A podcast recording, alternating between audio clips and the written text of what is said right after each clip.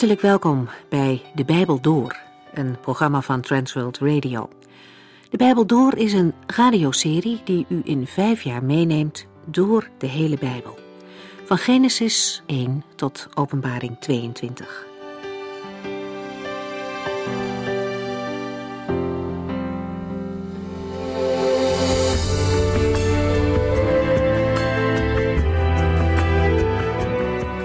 Genesis 29, vers 30. Daar gaan we vandaag verder. Voor het verband eerst nog even terug naar de vorige keren, toen we het over zaaien en oogsten hadden. Wat je zaait, dat zul je oogsten. Dit gezegde geeft eigenlijk precies aan wat er in Genesis 29 gebeurt. Jacob oogst wat hij heeft gezaaid. Hij heeft zijn vader en broer bedrogen en oogst nu zelf bedrog bij Laban. Hij maakt een afspraak met Laban om met Rachel te trouwen. Daar werkt hij zeven jaar voor. Maar Laban bedriegt hem en geeft Lea als bruid. Jacob mag ook nog wel met Rachel trouwen, maar dan moet hij nog zeven jaar voor Laban werken. Twee vrouwen, één man. Het is niet zoals God het bedoeld heeft. En het geeft ook niet die blijdschap en zegen die God bedoeld heeft voor dit huwelijk. Jacob houdt meer van Rachel dan van Lea. Ook in de studie van vandaag zien we dat Lea bij hem altijd op de tweede plaats kwam. Het feit dat dit gebeurd is en in de Bijbel staat wil niet zeggen dat God deze situatie goedkeurt. Het is alleen een verslag van wat er zich afspeelde. Terug naar die uitdrukking. Wat je zaait, dat zul je oogsten. Dat geldt ook voor ons. Wie goede dingen zaait, zal dat eens oogsten. Wie alleen maar investeert in het hier en nu, zal geen eeuwige vrucht kunnen oogsten. Maar wie zaait in het koninkrijk van God, zal daar de vruchten van oogsten.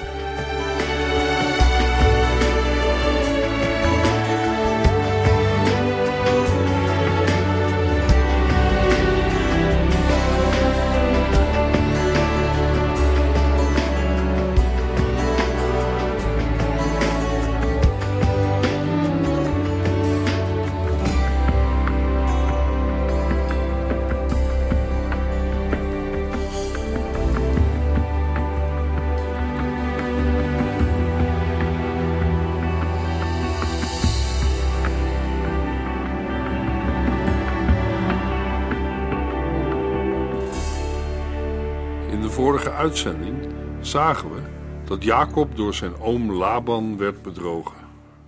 De arme Jacob dacht dat hij Rachel als vrouw had getrouwd. Maar de volgende morgen zag hij wie het was. Het was niet Rachel, het was Lea. Op het moment dat hij haar zag, wist hij dat hij misleid was. Net zoals hij zijn vader voor de gek gehouden had. Nu had hij zijn trekken thuis gekregen. Immers, Jacob had gedaan alsof hij de oudste was, maar hij was de jongste. Bij oom Laban zijn de bordjes verhangen. De bedrieger is nu zelf bedrogen. Maar let op hoe oom Laban, wat krom is, recht praat. Hij is daar ervaren in. Hij vertelt Jacob dat er een kleinigheid in het contract vermeld stond. Een clausule in kleine lettertjes. Laban was het vergeten Jacob mee te delen. In hun land was het een gewoonte dat de oudste dochter als eerste moest trouwen. Dat betekende dat de jongste dochter niet kon trouwen voordat de oudste getrouwd was. Maar oom Laban heeft een voorstel. Trouwen ze allebei en blijft nog zeven jaar werken.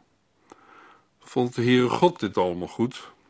Nee, dat Jacob meer dan één vrouw had, keurde God zeker af. Ook de gezinsomstandigheden werden er niet beter op. Jacob hield meer van Rachel dan van Lea.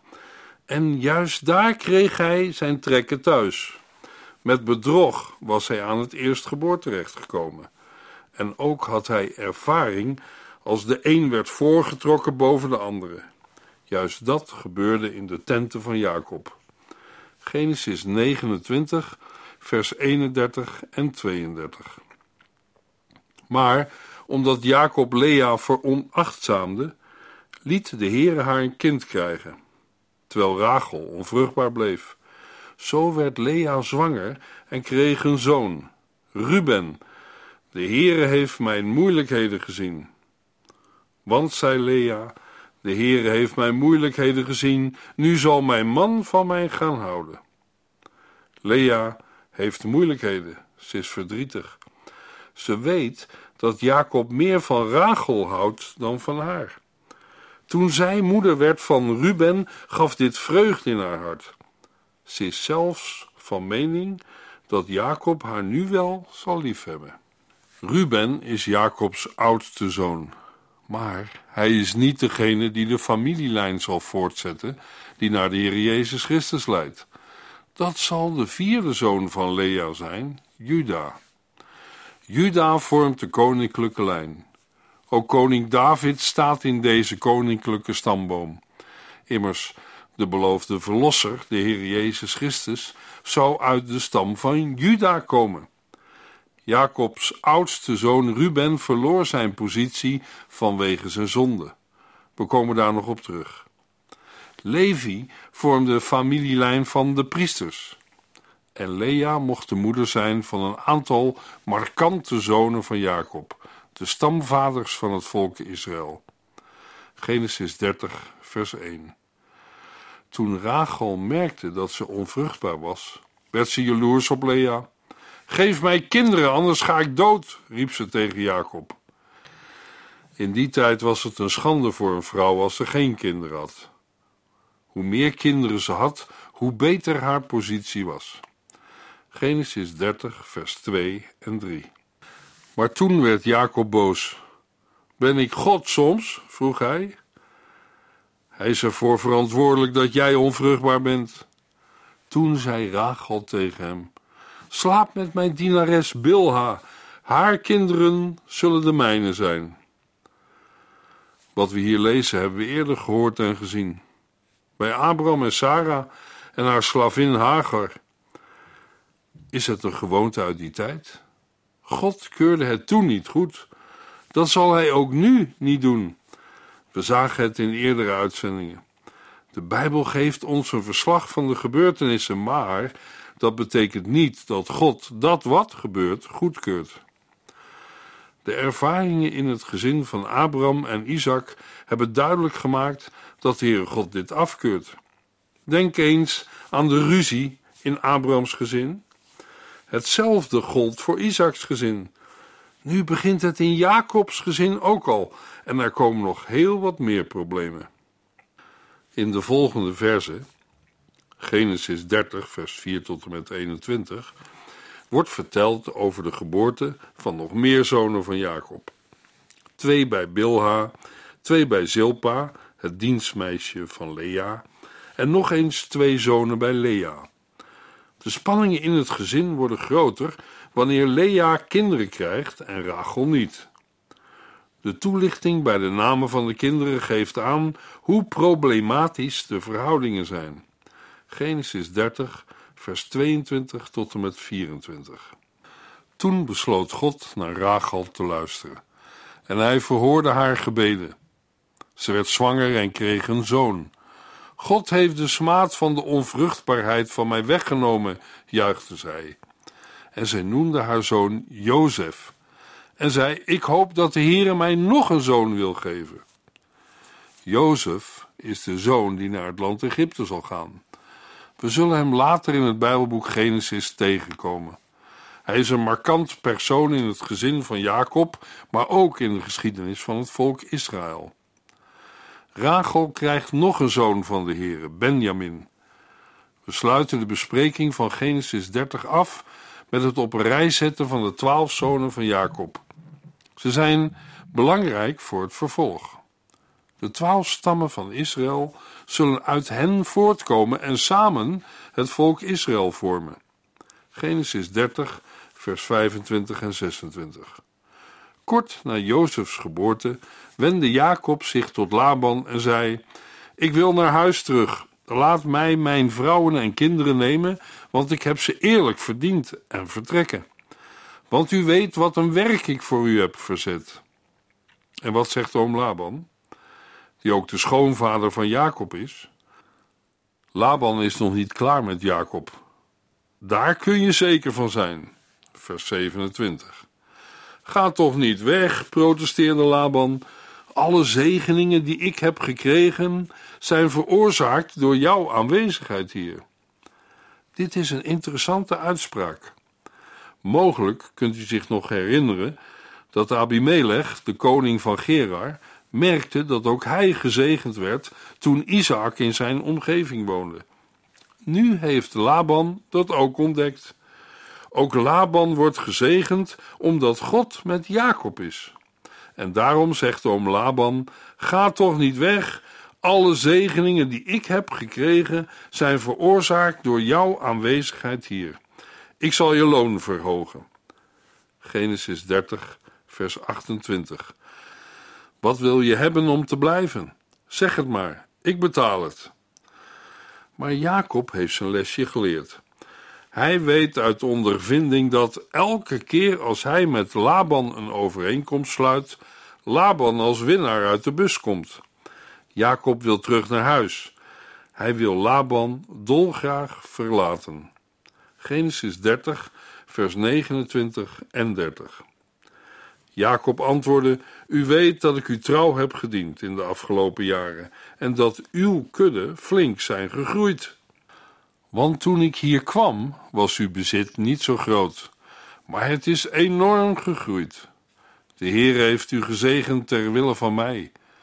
Dat is wel mooi, maar wat heb ik eraan? Ik moet ook een keer aan mijn eigen gezin denken. Luister naar wat Jacob zegt. Het lijkt wel een klaaglied. Hij zegt: Alles wat ik uit het dienen van u heb overgehouden zijn twee vrouwen met hun dienstmeisjes en een huis vol jongens. Als Jacob dit zegt, heeft hij elf jongens. Hij heeft een groot gezin en er moet eten op de plank komen. Hoe gaat hij zijn gezin onderhouden en voeden? Jacob zegt: God heeft u gezegend en hij heeft u voorspoed gegeven, en ik heb niets. Genesis 30, vers 31 en 32. Wat wil je van me hebben? vroeg Laban. Ik heb een voorstel. Als u het daarmee eens bent, zal ik bij u blijven, antwoordde Jacob. Ik ga naar de kudden en haal overal de gevlekte, gespikkelde en gestreepte schapen en geiten weg. Dat zal mijn beloning zijn. Met andere woorden, de raszuivere dieren zullen van Laban zijn, maar de gemengde rassen zullen het vee van Jacob worden. Het klinkt Laban als een heel goed voorstel in de oren. Genesis 30, vers 33 tot en met 35. Als u morgen komt kijken en er zit een wit dier tussen, weet u dat ik dat heb gestolen. Goed, stemde Laban in, daarmee kan ik akkoord gaan. Nog diezelfde dag scheidde Laban de gestreepte en gevlekte bokken, de gespikkelde en gevlekte geiten, alles wat maar een wit plekje op zat en alle zwarte van zijn eigen dieren en maakte zo een kudde voor Jacob. Ze konden zich niet meer met de andere dieren voortplanten. Jacob zou de gemengde rassen krijgen, zodat alleen de raszuiveren zouden paren en jongen krijgen. De raszuivere jonge dieren zijn voor Laban en de andere voor Jacob. Een interessante overeenkomst. Genesis 30, vers 36 tot en met 39. Hij liet Jacobs zonen de kudde wegleiden, tot op een afstand van drie dagreizen. Jacob bleef in de tussentijd de kudde van Laban hoeden. Daarna verzamelde Jacob verse takken van populieren, amandelbomen en platanen en schilde ze zo dat er witte strepen op kwamen. Die geschilde takken verspreidde hij over de drinkplaats van zijn kudde, zodat de dieren bronstig werden en paarden. De jongen die daaruit voortkwamen, waren gestreept en gevlekt, en Jacob voegde ze bij zijn kudde. Er worden verschillende verklaringen voor deze gebeurtenis gegeven. Sommigen zeggen dat de geschilde takken gewoon puur bijgeloof is. Anderen zeggen dat het een bakerpraatje is en daarom zeker niet in de Bijbel zou moeten staan. Mijn mening is dat het belangrijk is dat dit verslag in het woord van God staat. Natuurlijk, er zijn erfelijke factoren bij betrokken, maar ik denk niet dat we dit moeten afdoen met bijgeloof. Het punt is dat zowel Laban als Jacob geloofden dat de witte strepen in de takken er de oorzaak van waren dat de jongen gevlekt zouden zijn. Dat is het belangrijkste deel van het verhaal. Misschien valt het ons zwaar het te geloven, maar Jacob en Laban geloofden het. Ongeacht of dit nu wel of niet van waarde is. Jacob gebruikt het. Eigenlijk is dit alles wat ik er hierover wil zeggen. We zullen zien dat het volgende hoofdstuk, Genesis 31, nieuw licht op dit hele gebeuren zal werpen. Nu een overzicht met de namen van de twaalf zonen van Jacob, die uiteindelijk de twaalf stammen van het volk Israël zullen gaan vormen. Bij Lea werden zeven kinderen geboren, zes jongens en één meisje. De zes jongens heten Ruben, Simeon, Levi, Juda, Issachar en Zebulon. Het enige meisje heet Dina. Bij de slavin of het dienstmeisje van Rachel, ze heet Bilha, worden twee zonen geboren, Dan en Naphtali. Daarna worden bij de slavin of het dienstmeisje van Lea, ze heet Silpa, ook twee zonen geboren, namelijk Gad en Aser. Ten slotte worden er nog twee zonen bij Rachel geboren, Jozef en Benjamin. In Genesis 35, vers 18 lezen we meer over Benjamin. Geloof me, Jacob had zijn handen vol met deze twaalf jongens. Tussen al die jongens was één meisje. Ze heette Dina. In Genesis 31 zullen we gaan zien dat God Jacob opdraagt Haram te verlaten. Hij moet terugkeren naar het land dat God aan Abraham, Isaac en Jacob had beloofd. Ik ben er zeker van dat God daarbij ook aan Jacobs kinderen denkt. Hij wil niet dat ze opgroeien in de omgeving van Haran. In Genesis 30 zien we dat Jacob vertrekt. Hij verlaat Laban zonder het hem van tevoren te zeggen. Er wordt zelfs geen afscheidsfeestje gegeven. Genesis 30, vers 43. Aan het eind van het hoofdstuk lezen we: Dankzij die tactiek, onder andere van de geschilde takken, groeide Jacobs kudde snel en werd hij steeds rijker, met veel dienaren, kamelen en ezels. Hoofdstuk 31 begint met de mededeling, maar Jacob kwam erachter dat Labans zonen zeiden: Alles wat hij bezit, heeft hij aan onze vader te danken. Zijn rijkdom is ten koste van onze vader ontstaan. Jacob merkte ook dat Labans vriendschap voor hem bekoelde. Toen sprak de Heere met Jacob en zei: Ga terug naar uw vaderland en uw familie, ik zal bij u zijn. Genesis 31, vers 1 tot en met 3. De Heere God geeft Jacob opdracht om terug te gaan naar het beloofde land. Hij is een man van aanzien geworden, maar dat geeft bij anderen jaloezie. Jacob hoort, waarschijnlijk indirect, wat de zonen van Laban over hem zeggen. Zij beschuldigen Jacob van het wegnemen van de rijkdom van hun vader Laban. Jacob gaat letten op zijn schoonvader. Hij ontdekt dat Labans optreden minder positief is dan vroeger. In die omstandigheden geeft de Heere God Jacob opdracht om terug te keren naar het land van zijn vader en naar zijn familie. Na twintig jaar verblijf in Haran bij Laban is er nog steeds geen bericht van Rebecca gekomen, zoals beloofd in Genesis 27, dat Esaus wrok is bedaard. Waarschijnlijk is Rebecca in de tussentijd gestorven. Zes jaar geleden had Jacob al tegen Laban gezegd dat hij wilde vertrekken, maar toen was hij gebleven. Nu vertrekt hij, maar zonder dat met Laban te bespreken. Genesis 31, vers 4. Daarom liet Jacob Rachel en Lea op een dag bij zich op het land komen, waar hij de kudde hoedde, om met hen te overleggen. Vermoedelijk om afluisteren te voorkomen, roept Jacob zijn vrouwen bij zich op het veld. Ze worden in volgorde van voorkeur genoemd en niet van leeftijd: Rachel en Lea. Jacob vertelt, Genesis 31, vers 5 en 6. Jullie vader heeft zich tegen mij gekeerd, vertelde hij hun. En nu heeft de God van mijn vaderen met mij gesproken. Jullie weten hoe hard ik voor jullie vader heb gewerkt. Maar hij heeft mij bedrogen en is de afspraken over mijn loon herhaalde malen niet nagekomen. Jacob vertelt dat de houding van Laban niet meer hetzelfde is. We lazen dat ook al in vers 2 van hetzelfde hoofdstuk. Maar God is met hem geweest. Jacob geeft ook aan dat hij hard heeft gewerkt. Dat is op zich waar. Maar hij laat buiten beschouwing dat hij de laatste jaren meer aan zijn eigen belang heeft gedacht dan aan het belang van zijn schoonvader. Vers 7. God heeft echter niet toegestaan dat hij mij benadeelde. In vers 7 geeft Jacob aan dat ondanks de vele wijzigingen die Laban heeft aangebracht in de arbeidsovereenkomst, de Heere God niet heeft toegestaan dat hij werd benadeeld.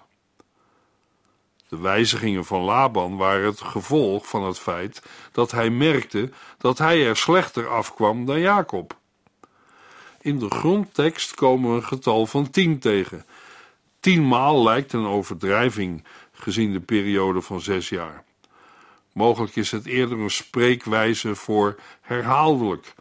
Met andere woorden, de afspraken tussen Laban en Jacob werden door Laban herhaaldelijk gewijzigd. In het vervolg zullen we zien dat Jacob wegtrekt van Laban. Zonder iets te zeggen gaat Jacob er vandoor. Maar Laban laat Jacob niet zomaar gaan.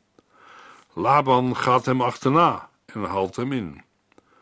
Ten slotte sluiten Jacob en Laban een overeenkomst. Ze spreken af dat ze elkaar niet zullen bedriegen of benadelen. Dan gaan ze uit elkaar op een zogenaamd vriendelijke manier. In vers 3 heeft de Heer God Jacob duidelijk gemaakt dat hij wil dat Jacob het land verlaat. De invloed van Laban en zijn familie is niet goed voor Jacob en zijn opgroeiende gezin. De zonen van Jacob zullen stamhoofden worden van de twaalf stammen van Israël. God wil hen in het beloofde land hebben, weg uit die omgeving waar ze nu zijn en terug naar het land dat hij aan Abraham heeft beloofd. Ik kan me voorstellen dat er luisteraars zijn die zich afvragen: wat moeten wij met al die familieperikelen van Jacob en zijn oom Laban? Beste luisteraar, de Bijbelgedeelten die we hebben gelezen en ook in de volgende hoofdstukken nog zullen volgen, zijn gegeven om u, jou en mij in onze nood en moeite te helpen. We lezen over een man die op vele manieren in de fout is gegaan. Hij regelt liever zijn zaakjes zelf dan te vertrouwen op Gods leiding en aanwijzingen. En toch, toch is hij een man die door God niet alleen wordt gelaten. De Heere geeft Jacob niet op. Daar kunnen wij moed uitputten. Als wij de Heere zoeken en naar hem terugkeren, dan zal hij ons nooit verlaten. Bij hem is er altijd een weg terug. Keer om en kom terug bij deze God, die nooit laat varen het werk dat zijn hand begon. Hij wil u ontmoeten. Tegen Jacob zegt de Heer: Ga terug naar uw vaderland en familie. Als de Heer Jacob wil aanvaarden met alles wat hij heeft gedaan, dan is er toch ook hoop voor u? Dan zal hij in zijn genade ook u aanvaarden. Vandaag, op grond van wat zijn zoon heeft gedaan aan het kruis van Golgotha. Jacob heeft diepe beproevingen moeten meemaken. Hij heeft zware lessen moeten leren. Twintig jaar met oom Laban is hem niet in de koude kleren gaan zitten. Maar wat Laban ook met hem afspreekt, altijd loopt het weer uit op het feit dat Jacob meer bezit ontvangt dan zijn oom Laban.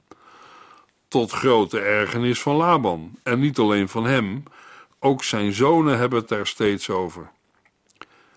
We hebben het gelezen in de eerste verse van Genesis 31. Labans zonen zeiden: Alles wat Jacob bezit, heeft hij aan onze vader te danken. Zijn rijkdom is ten koste van onze vader ontstaan. Maar het was de Heere God die Jacob zegende. In die situatie zegt God tegen Jacob: Ga terug naar uw vaderland en uw familie. Ik zal bij u zijn. Jacob gaat zich voorbereiden om op weg te gaan. Hij roept Rachel en Lea bij zich op het veld. Jacob wil niet dat hij wordt afgeluisterd. Mogelijk zou dan een bediende of iemand anders het horen en aan Laban vertellen. Het wordt een bijzonder gesprek. Jacob zet alles nog eens op een rijtje. Jullie vader heeft zich tegen mij gekeerd. En nu heeft de God van mijn vaderen met mij gesproken. Jullie weten hoe hard ik voor jullie vader heb gewerkt. Maar hij heeft mij bedrogen. Hij is de afspraken over mijn loon herhaalde malen niet nagekomen. Maar God heeft niet toegestaan dat Laban mij benadeelde. Zie je wel, God heeft Jacob gezegend. En Jacob weet het zelf ook. Dat strekt hem tot eer. Ja, hij heeft hard gewerkt. Toch geloof ik dat de Heere God Laban heeft gebruikt om Jacob dat te leren. Laban was een man die bij iedereen die voor hem werkte het onderste uit de kan wilde hebben. En als de afspraak niet tot zijn voordeel leidde, dan veranderde hij gewoon de afspraak. Ja, zo was Laban. Arme Jacob, hij is van zijn stuk gebracht en teleurgesteld. Van je familie moet je het maar hebben. Mogelijk soms machteloos en om raad verlegen. En dan komt God tussen beiden. Tegen zijn vrouwen getuigt Jacob over de bron van zijn zegen. Maar God heeft niet toegestaan dat Laban mij benadeelde. En de Heere geeft een opdracht en een belofte. Ga terug naar uw vaderland en uw familie. Ik zal bij u zijn. Hoe zal het verder gaan met Jacob en zijn gezin? Daarover een volgende uitzending meer.